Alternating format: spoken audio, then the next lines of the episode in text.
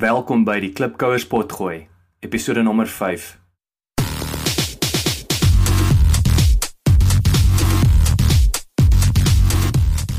Klipkouers, waar ons help om jou besigheidsdrome 'n realiteit te maak. Elke week gesels ons met 'n paar plaaslike en internasionale Afrikaner entrepreneurs en vra hulle dieselfde 10 vrae ten einde die beste praktiese en beproefde besigheidsraad met jou te deel. Jou gasheer en mede-klipkouer, Jacques Passon.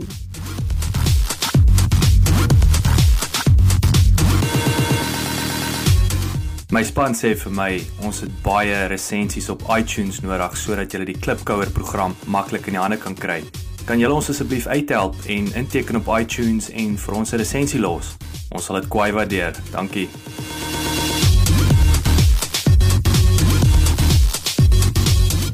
Die Klipkouer met week vandag gesels is Len Fourie, eienaar van stads- en streeksbeplanningsfirma Makroplan wat gebaseer is in Appington. Wat veral vir my uitgestaan het met my gesprek van Len is hoe probleme in die ekonomie, byvoorbeeld die kragkrisis wat deur Eskom gedryf word tot onvoorsiene voordele vir sy firma gelei het. En weer eens hoe dit help om 'n passie te hê vir wat jy van maandag tot vrydag doen. En dit help jou om sukses te behaal in jou beroep. Ek sien baie uit om meer van die klipkouer en sy manier van dink en doen te hoor. Len, welkom. Baie dankie, Jacques. Vertel ons 'n bietjie meer oor jouself. Jacques, ek bly in 'n dorpie in die Noord-Kaap provinsie in Suid-Afrika met die naam van Appington. En ehm um, het Appington nog altyd 'n baie stelselmatige groeipatroon gehad die laaste 20, 30 jaar. En uh, ek is getroud. Ek het geen kinders nie. Ek het 300 kinders. So so vir die wat belangstel. En ek het groot geword en ek het 'n geweldige passie vir die Noord-Kaap en die area gekry. En toe die kans opkom om terug te kom in 1997 het ek dit aangegryp met beide hande. Op daai stadium toe ek teruggekom het, was stadsbeplanning waar ek nou by volgende slide kom, nie werklik so groot rolspeler in ons area soos wat dit daarna sou word op die laaste 15 jaar dan sou gebeur nie. So ek het 'n baie goeie keuse gemaak om 'n ligging te kies vir die toekoms in my beroep wat op 'n baie goed uitgewerk het. Nou kom ons kom na wat ek doen. Ek 'n stadsbeplanner van beroep, het in Bloemfontein gestudeer en het op die einde my graad in of jou meestersgraad in stadsbeplanning afgehandel. En onmiddellik begin werk as student by die firma wat wat ek nou by is nog steeds al in 1995 en die 20 jaar wat verby het was 'n baie interessante 20 jaar waarvan die laaste 10 jaar ek die besigheid self moes hanteer en bestuur waar ek dink die grootste groei van myself as mens sowel as as besigheidsmens plaasgevind het. Dit is baie interessant en ek wil nou oorgaan en vir jou vra, jy wat is die rede dat jy hierdie tipe besigheid en industrie aangepak het? So ek dink dit is jy het al reeds daaraan begin raak, maar nou wil ek vir jou sommer 'n ander vraag uh, daarbey vra. Het jy enigsins voorsien dat in terme van 'n stads en streeksbeplanning wat gebeur die afgelope 15 jaar? Is dit is dit enigsins daai eh, die verwikkelinge, is dit iets wat jy enigsins kon voorsien het daai tyd in 97 toe jy die skuif gemaak het? Ja, geensins nie. Toe ons die skuif gemaak het, het ek dit bloot gemaak uit die feit dat as ons klaar gestudeer het, het ons 'n 2 tot 3 jaar termyn nodig wat jy onder 'n hoofstadse wat geregistreer is by ons raad moet kan werk en onder hom kan teken en funksioneer. En ek het aanvanklik daai tydperk gebruik en gedink dit is 'n baie goeie fase om in die platteland te begin, want die platteland gewoonlik jou kleiner firmas bied vir jou 'n baie groter basis om op te kan funksioneer op alle vlakke van ons beroep. Wat ek daarmee bedoel is, dis nie sal jy sal nie net een tipe aansoek wat kan doen heeldag of sit in planne evalueer nie. Jy gaan alles doen. En dit was my rede of my beweegrede op daai stadium. Om terug te kom, ek sal later meer praat oor presies hoe wat gebeur het in ons beroep oor die laaste veral laaste 10 jaar. Maar ek het as kind al 'n passie vir eerstens kaartwerk gehad, enige vorm daarvan, enige vorm van boek wat te doen het met kaarte of enigiets, sowel as die natuur en en stede enigiets van stede of stedelike ontwerp of paaie ontwerp het my gefassineer. En ons het by einde het ek al geweet dis wat ek wil doen en ek het dit gaan studeer, min wetend dat dit 'n beroep is wat soveel meer fasette in het as wat meeste van die algemene publiek ooit weet. In die laaste 10 jaar het ons en julle sal nou seker weet met die Eskom krisis het die groen energie faktor baie sterk na vore gekom. En veral in die Noord-Kaap provinsie het dit is dit 'n aspek wat ons totaal oorgeneem het op hierdie stadium of ons dan nou ons stadsoplanners wat hier werk in die sin van jy speel 'n baie belangrike rol in die groen energie sektor om te sorg dat 'n windplaas of 'n sonkragplaas op die einde daar staan is jy 'n skakel in die legkaart en daarvan is jou departement landbou en die munisipaliteit ons werk in die afhandeling daarvan. Sonder dit, as jy nie daai goedkeurings het nie, kan jy nie so 'n plaas open nie. En dis iets wat ek in 1997 nie geweet het bestaan of dat dit enigstens sou na vore kom in my beroep ooit nie. En ek wil amper sê dit was seker die grootste en die interessantste faktor wat wat ek heeltyd moes hanteer op job. So om daai gedeelte vir jou te antwoord. Dis baie interessant lê. So obviously jy het nou gepraat van jy het van kleintyd af 'n liefde vir soos jy sê kaarte en die ding gehad. En ek wil dit sluit ook nou baie mooi aan. Jy weet by die tweede vraag is hoe gaan julle te werk om om nuwe kliënte te verwerf, nê? Nee, so julle baie van julle kliënte as ek aflei is deur 'n wêreldse tendens wat wêreld meer groen en en so aan te werk gaan. So jy sê dit dryf die meeste besigheid op hierdie stadium? Ja, en om terug te kom na na die die besigheid self. Ek dink 15 jaar terug was ons kliënte getal maklik 80% staat of munisipale komponente of tenders. Daai syfer het verander na privaat gefundeerde projekte seker na 70% andersom. Met ander woorde, jou staat, tradisionele staatswerk het baie minder geword in ons beroep waar jou privaat sektor werk baie meer geword het. Wat natuurlik uit die groei van 'n besigheid baie positief is. Want jy het jou privaat sektor kliënte is gewoonlik jou meer betroubare kliënte. Dis met ander woorde ook man ouens wat in die beroep staan of wat verstaan waar staat en munisipale kliënte se betaal syfers en goed nooit dieselfde is as wat jou privaat sektor is. Om terug te kom na jou verwysing na die groen energie sektor en verwerk ons hoe kry ons kliënte bitterlik baie word of mouth. Jy sal dit nie glo nie hoe baie van ons groen energie sektor veral lees skrywers en ook dokumentasie wat ons opgestel het en natuurlik deur publieke deelname prosesse moes bytesit dan kom hulle agter wel hier's 'n firma wat die proses verstaan, hulle het suksese gehad met projekte wat reeds op die grond is en so kom die ouens by ons uit. Jou tradisionele munisipaliteit wat die amptenaar vir 'n kliënt sê skakel vir lenfurie om vir jou hersenering te doen, is baie minder as wat hierdie ouens wat kyk na wie is suksesvol en hulle huiswerk doen en dan by ons uitkom meer as wat bemarking ooit sou kon doen. So dis baie interessant. Ek het 'n klomp vorms van bemarking al in die jare gebruik, maar kom agter dat reputasie in jou kliënte en dit wat hulle vir jou dink en dit wat jy daar buite sit om te lees vir jou die meeste waarde het wat jy ooit in die lewe kan kan besef. So ja, dit ons doen Facebook bemarking en ag ondersteun waar ons kan en gaan met die naam maar dit is nie werklik waar ons kliënte vanaf kom met job eerlik eerlik waar. Sê vir my as as jy nou jy praat van die privaat sektor wat so 'n belangrike deel speel in julle besigheid nou hoeveel van daai maatskappye is internasionaal? Uh, of is dit alles plaaslike uh, besighede? Job is 'n moeilike een om vir jou so direkte antwoord. Weens die feit dat baie van jou internasionale maatskappye jou groot groot maatskappye sal heel waarskynlik wanneer hulle in die land inkom, het sy of 'n plaaslike projekbestuurder aanstel wat jy dan direk mee werk en of deur 'n bestaande Suid-Afrikaanse firma begin funksioneer. Jou groter firmas wat byvoorbeeld van Spanje afkom, ja, ons werk met hulle, maar ek wil vir jou sê dis in die minderheid. Dit kom voor asof die meerderheid van hulle dan deur Suid-Afrikaanse firmas die projekte verder vat Ek dink wel dat jou Italianers en jou Spanjaarde het 'n groot rol gespeel in ons area. Maar omdat hulle so moeilik die taal en die kultuur verstaan, moet hulle met 'n Suid-Afrikaanse firma met ander woorde skakel om hierdie werk plaaslik te kan doen.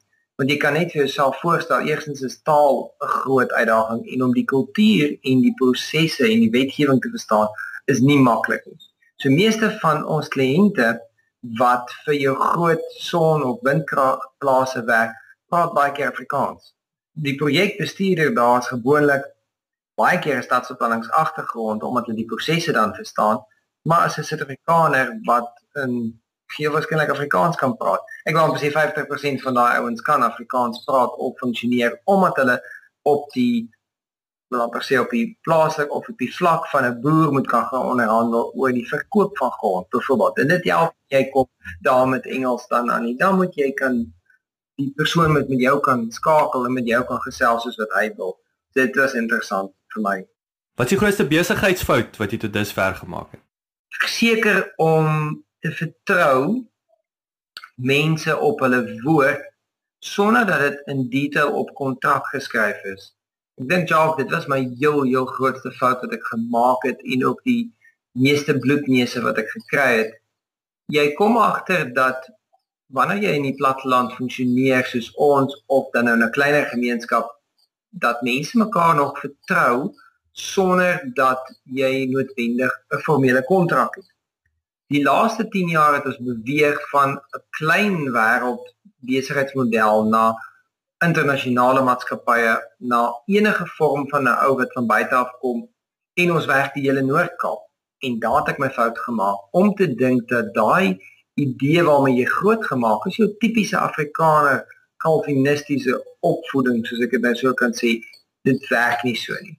Jy moet jouself beskerm om elke hoek en daai en baie seker maak dat dit wat jy aanpak eerstens 'n projek is wat gefaktureer en betaal kan word en tweedens dat elke stap wat jy doen in jou veld of beroep daarvoor begroot is van die kliënt se kant af en dat almal in hulle sektor verstaan dat dit betaalbaar is op 'n sekere stadium.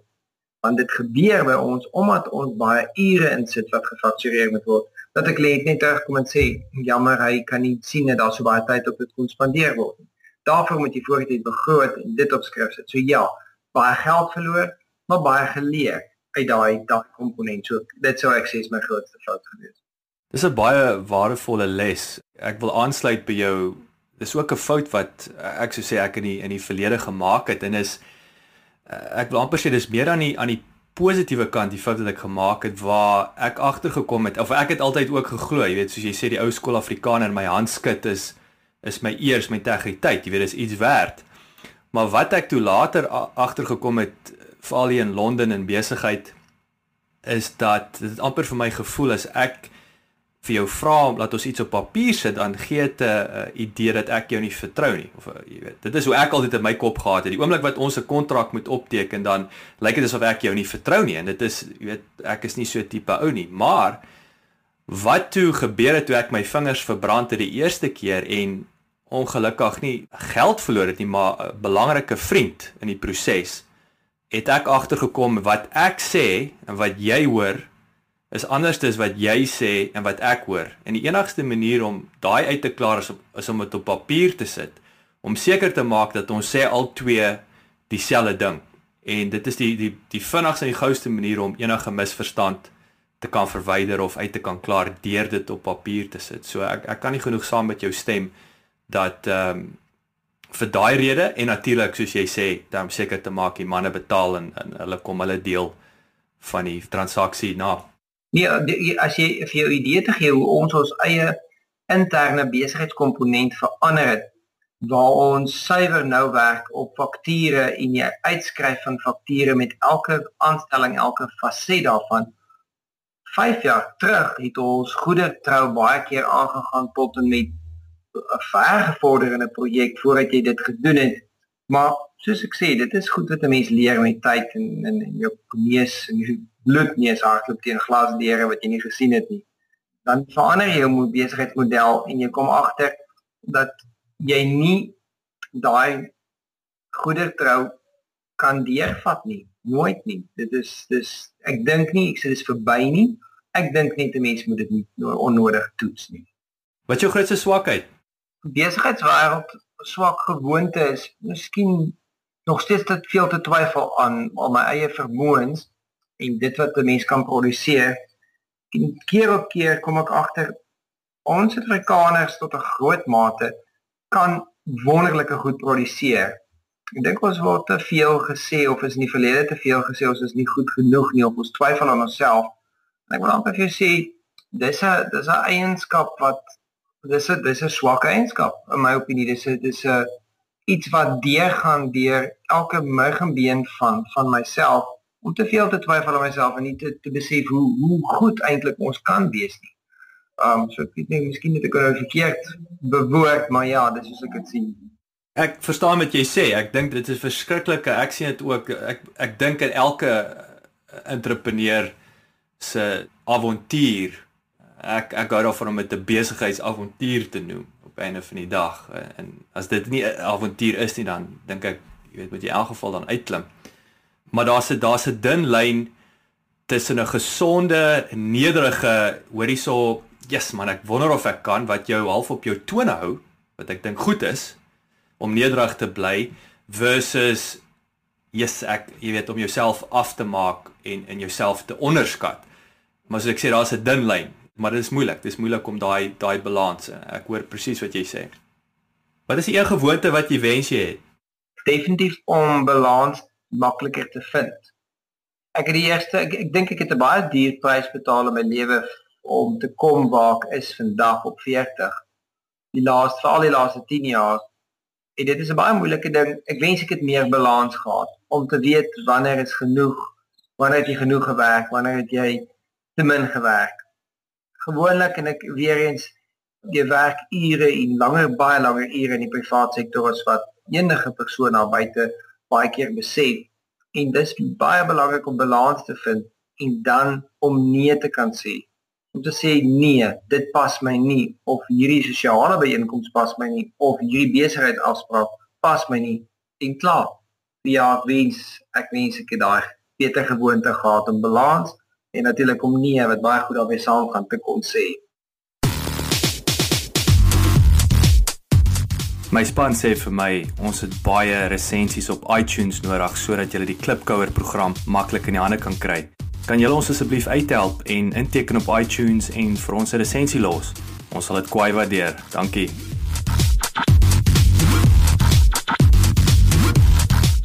Watter sagte waar of applikasie kan jy sonder klaarkom nie? Sou dit nou wees vir die besigheid dan ook uh persoonlik?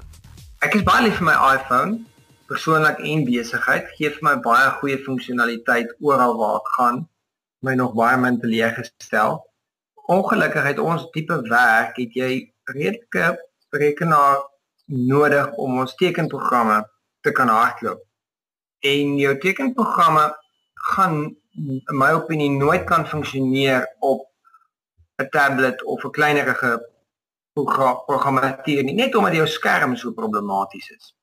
En uh, ek het vir myself 'n bitterlike goeie ultra wide Philips skerm aangeskaf omdat ek jare gesukkel het om tussen die tekenprogramme en die Excel spreadsheets alles te kan hanteer. En jy sal in ons hier in ons kantoor instap, so jy sien elkeen van die staf wanneer sit met 'n massiewe skerm voor hulle. Dis iets wat ek voel net eenvoudig nodig is. Dit help ons om beter te kan verstaan, te kan sien, te kan interpreteer en om jou kombinasie van ligfoto's, kontoure, alles op te sit en dit te kan regtig sien om om nie foute te mis op dit nie.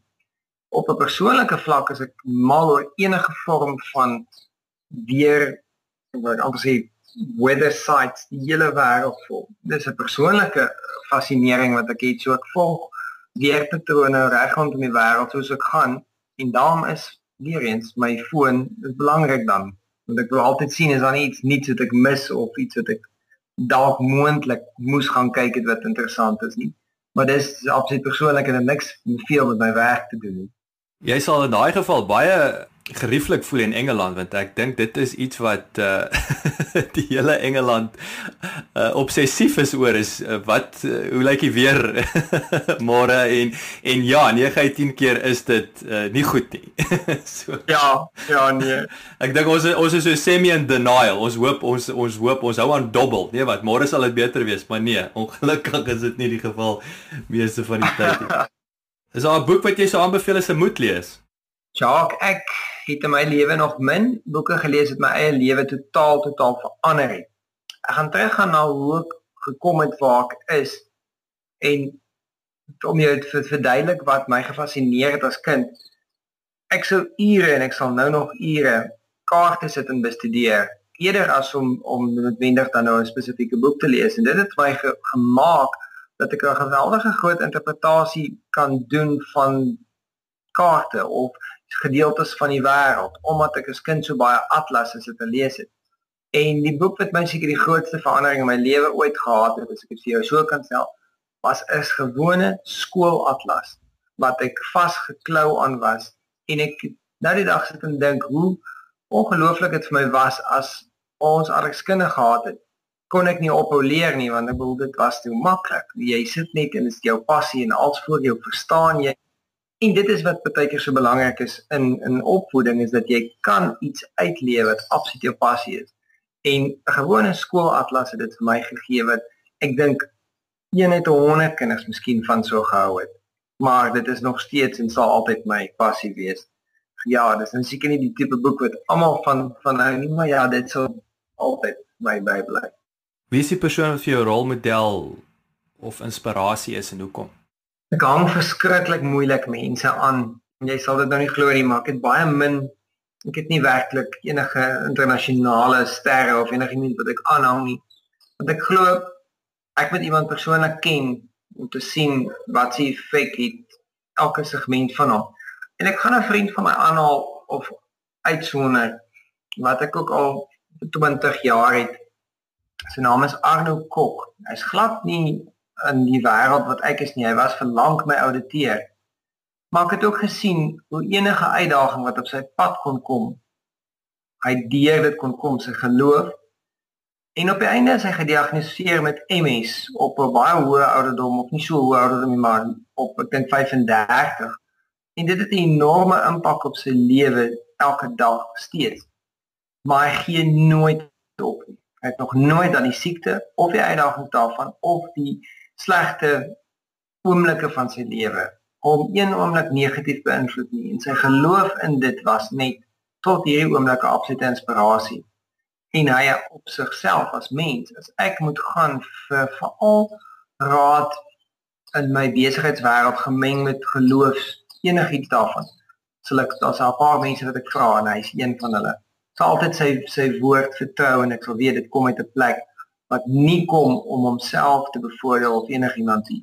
Hy sal 'n suiwer antwoord om my in die situasie die beste raad voor te gee. En sulke mense is baie skaars in jou lewe.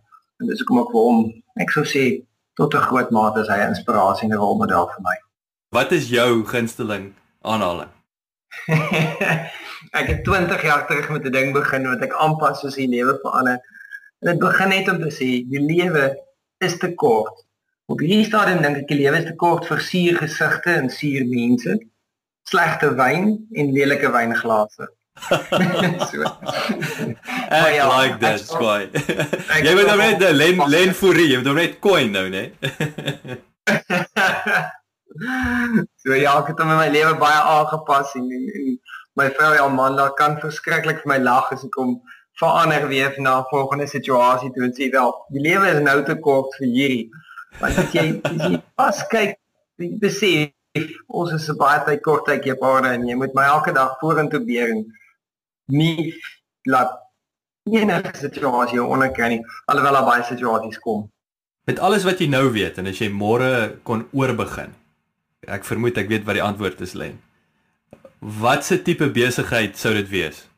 Ek is van daai baie rare mense wat presies gekry het wat hulle in die lewe wou gedoen het en elke dag kan opstaan en jou sy passie uitlewe. En as ek dit kan oordink, sal ek dit presies dieselfde doen.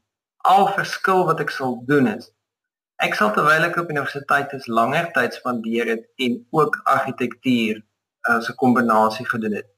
Want dit sou 'n baie goeie uitvloeisel vir my gewees het wat ek vandag baie mis. Maar ja, daai kombinasie sou gedoen het en dis eintlik die enigste segment wat ek oor sou doen. Die res, ek dink elke voetstamp en elke kopstamp was nodig om te vorm die denke wat ek vandag het en die weer eens die mens en die besigheidspersoon wat jy dan is wanneer jy die dag 40 slaan. En jy waarskynlik as oor 10 jaar weer hierdie gesprek het, gaan ek vir jou sê wel ek het nie die laaste 10 jaar drie keer soveel geleer as in die eerste 10 jaar van besigheid. So ja, dit is dis hoe ek dit sien. Maar ek sal nie te veel verander in Jaap. Ek dink dit het my gevorm tot waak is en ja. Ja, Len, ek stem saam met jou. Ek dink dis daai mens kan in elk geval nie veel verander nie. Ek dink die die die belangrikste is dat ons vorentoe beweeg en dat jy dat jy groei en soos jy sê teregtelik uitgewys het. Jy weet dat jy oor 10 jaar kan terugkyk en sê weet jy wat ek is ek is slimmer as wat ek was. Ek dink dis die belangrikste. Jy weet die res maak nie saak nie. Ek dink as die die voorbeeld van 'n haai is mos is vir my verskriklik. Ek dink altyd aan 'n haai in terme van 'n haai is wat wat nie swem nie gaan dood. Dis dis ekstreem vir my. Jy weet en en en dit is hoe ek na die lewe in elke situasie kyk. Jy as jy nie swem nie, as jy nie vorentoe beweeg nie, dan gaan jy dood. En ek dink dit is alles in die lewe is so. As jy of jy groei of uh jy's besig om dood te gaan, daar's nie 'n tussenin nie. Dis baie waar. Iets wat ek ook geleer het is die oomblik in die lewe is daar om ook so soms te gaan stil staan net vir 'n oomblik en te besef dit was goed. Dit was reg. Dit goed uitgedraai en nou pak ons die volgende ding aan. Want as jy op jou laure rus en op die verlede leef of op die foute van die verlede leef, soos jy sê, ek dink ons gaan letterlik dood en ons is te bang om dan weer iets aan te pak of 'n uitdaging aan te pak. En dit is baie negatief vir vir persoonlik en in die besigheidswêreld. En jy het 'n belangrike punt daaraan geraak in terme van stop en celebrate those victories, nê. Nee, ek dink dit is so dis 'n dis 'n groot fout wat ek maak wat jy 'n uh, uh, tipe van 'n doelwit stel. Jy hardloop so vinnig verby die ding. Ek het 'n paar keer ek hardloop so vinnig verby daai doelwit. Dan sê ek al halfpad op pad na die na doelwit nommer 2 toe, dan sê ek so onvergenoegd en ek kan nie verstaan hoekom ek hier vorentoe beweeg nie, maar ek het nooit gestop om die eerste wen en eerste doelwit wat wat reeds behaal is net 'n bietjie te vier nie. So jy sê net om te kan sien wat het wat het gewerk, wat het nie gewerk nie, maar belangrikste net daai klop op die skouer sê goeie job bel.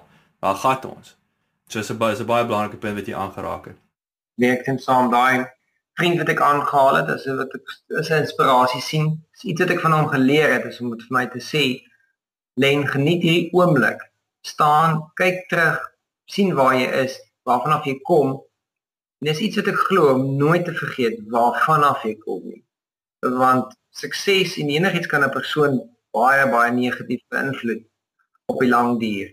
Jy moet nooit vergeet waar het jy begin nie. Nie dat jy noodwendig daai persoon hoef te wees nie vandag meer nie. Maar jy moet onthou waar is jou wortels. Wie het jou gedra na eerste tyd en altyd dankbaar wees daarvoor. Sê vir my, hoe kan jy klipkouers met jou kontak maak?